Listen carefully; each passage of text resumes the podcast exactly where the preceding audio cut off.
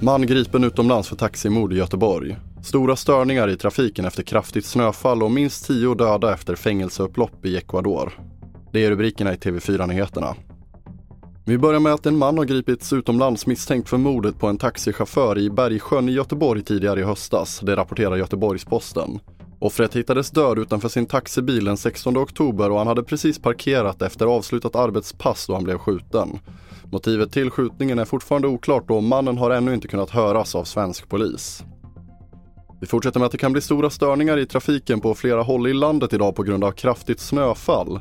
Gul varning gäller över östra delarna av södra Sverige hela dagen och räddningschefen i Västervik uppmanar folk att hålla sig inomhus. Behöver man inte ut och åka under den här helgen så tycker vi att man ska hålla sig inne då. Och om man mot förmodan måste ut och åka så vill vi att man ser till att man har vinterdäck eh, såklart, att man kör försiktigt, man tar god tid på sig. Man håller avstånd, man har varma kläder, laddar mobiltelefon och eh, ja, tar det försiktigt egentligen då i trafiken. Det sa Joakim Jansson, räddningschef på Västerviks kommun. Vi fortsätter med att minst tio personer har dött under ett fängelseupplopp i Ecuadors huvudstad Quito.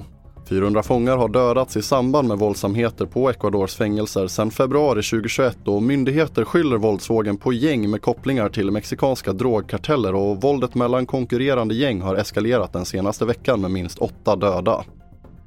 Och trots brist på bussförare läggs flera utbildningar i landet tillfälligt ner. Ett beslut som transportföretagen är kritiska till då det skapar inställda turer och överfulla bussar. Enligt transportföretagen saknas över 4 000 chaufförer. Den här typen av beslut borde egentligen föregås av, av en bättre dialog med branschen, i det här fallet oss. Då. Företagen eh, jobbar för fullt för att hitta förare. Inte minst eh, jag menar, framförhållningen redan nu fram till sommaren. Och det här spelar ju bara på problemet. Så att jag, jag vill påstå att det är väldigt allvarligt. Det sa Kai Loma från Transportföretagen och det sätter punkt för TV4-nyheterna. Fler nyheter hittar du som vanligt på tv4.se. Jag heter André Metenen Persson.